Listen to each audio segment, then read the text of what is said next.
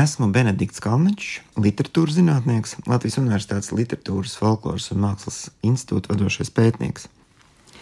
Vai zini, ka Emīls Melngailis uzrakstīja vairāk nekā simt vēstuļu Rudolfam Blaumanim? 19. gadsimta 90. gados strauji uzplauka Rudolfa Blaumaņa un par viņu 12 gadus jaunākā Emīļa Melngaļa draudzība. Šīs attiecības piedzīvoja dramatiskus kāpumus un kritumus un to attīstība liecina par rakstnieka un topošā komponista raksturu nesadarību. Pilnvērtīgi restaurēt šīs attiecības ir pagrūti, jo, lai gan ir saglabājušās 102 melngaļu vēstules Blaumanim, no Blaumaņa sūtītā ir pieejami tikai divi nepilnīgi rokraksti, ko savulaik publicējis Andrijs Niedri. Viens no galvenajiem atsvešināšanās cēloņiem, acīm redzot, bija par Blaumani krietni jaunākā melngaļa nedibinātā, toties nekautrīgi paustā pārākuma apziņa. Ar Emīlu Melngaili Blaumans iepazinās 19. gadsimta 90. gadu sākumā, kad topošais komponists mācījās Rīgas pilsētas gimnāzijā. Viņu dažādi atbalstīja, sagādāja iespēju skatīties operu iestudējumus Rīgas pilsētas vācu teātrī, kādā brīdī pat piedāvāja pajumti. Daudz vēlāk sarakstītās atmiņās Melngailis par šo laiku uzsvērs. Pie Blaumaņa dzīvojot, bija jāietur kārtība, slinkošanai bija beigas. Tomēr diezgan nepārprotami jau tolaik atklājās Melngaļa ambīcijas. Sekojot kritiķa Jaņa Jansona referātam Domas par jaunlaiku literatūru, kurā satīriski apcerēta 19. gadsimta 90. gadu latviešu literatūra, Melngailis 1895. gadā laikrakstā Dienas lapa publicēja rakstu par jaunākajām parādībām mūzikā. Kā norāda muzikologs Arnolds Klotiņš, šajā apcerē visa sava laika latviešu mūzika pārsteidzīgi nokritizēta par plaģiātismu un diletantismu.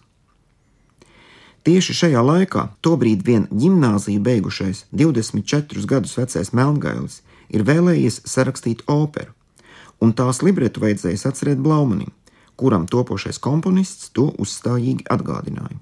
Ja tu man nesagādāsi operas libretu, tad es tev uzteikšu draudzību, un lai teksts būtu skaists, lai tajā būtu kaislība, sāpes, prieks, fanfaras, viss, viss.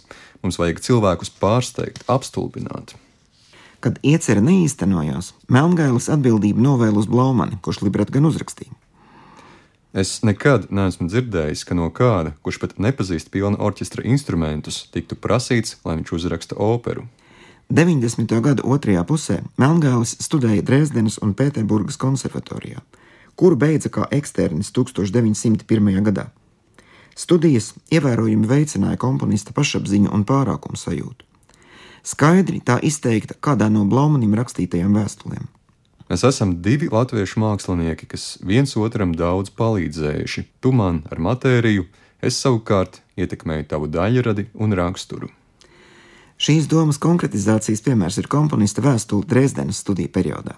Tātad vai nu tu man atsūti šos 50 rubļus, vai es īsi un ātri izbeidzu ar tevi attiecības. Tu gan būtu varējis pats nonākt pie šīs ģeniālās idejas un aiztaupīt man ubagošanu. Melngaļa pašapziņa nebija mazinājusies, kad pēc studiju beigām viņš iestājās darbā laikraksta Pēterburgas avīzes redakcijā, kur atkal satikās ar Blaumanu. Rakstnieks centās uzturēt abu attiecības, iestājās Melngaļa vadītajā kūrī, Tomēr ar darbu redakcijā saistītās intrigas viņu starpā radīja neatgriezenisku atsalumu. Atmiņās Emīls Melngailis savu gimnāzijas laika iespēju raksturojumā minējis, ka Rudolfu Blaumani ieraudzījis Sirsnīgi smaidošu, valodīgu, saulainu, bērdamu atjautas, improvizēdamu visādas jocīgas rīmes, tomēr visu laiku vērīgi zīmēdamu sejas un attiecības. Un vēl viena zīmīga liecība, ko komponists sniedzis ar laika distanci, pretstatot Blaumaņa personību daudziem agrākiem iespējām. Tādam mierīgam, iekšēji apvaldītam cilvēkam kā Blaumanim, manās acīs vajadzēja izcelties par varoni. Pie šīs atskārtas Emīls Melngails bija nonācis tikai 15 gadu pēc Rudolfa Blaumaņa nāves. Par harmoniskām viņa attiecības nosaukt nevar.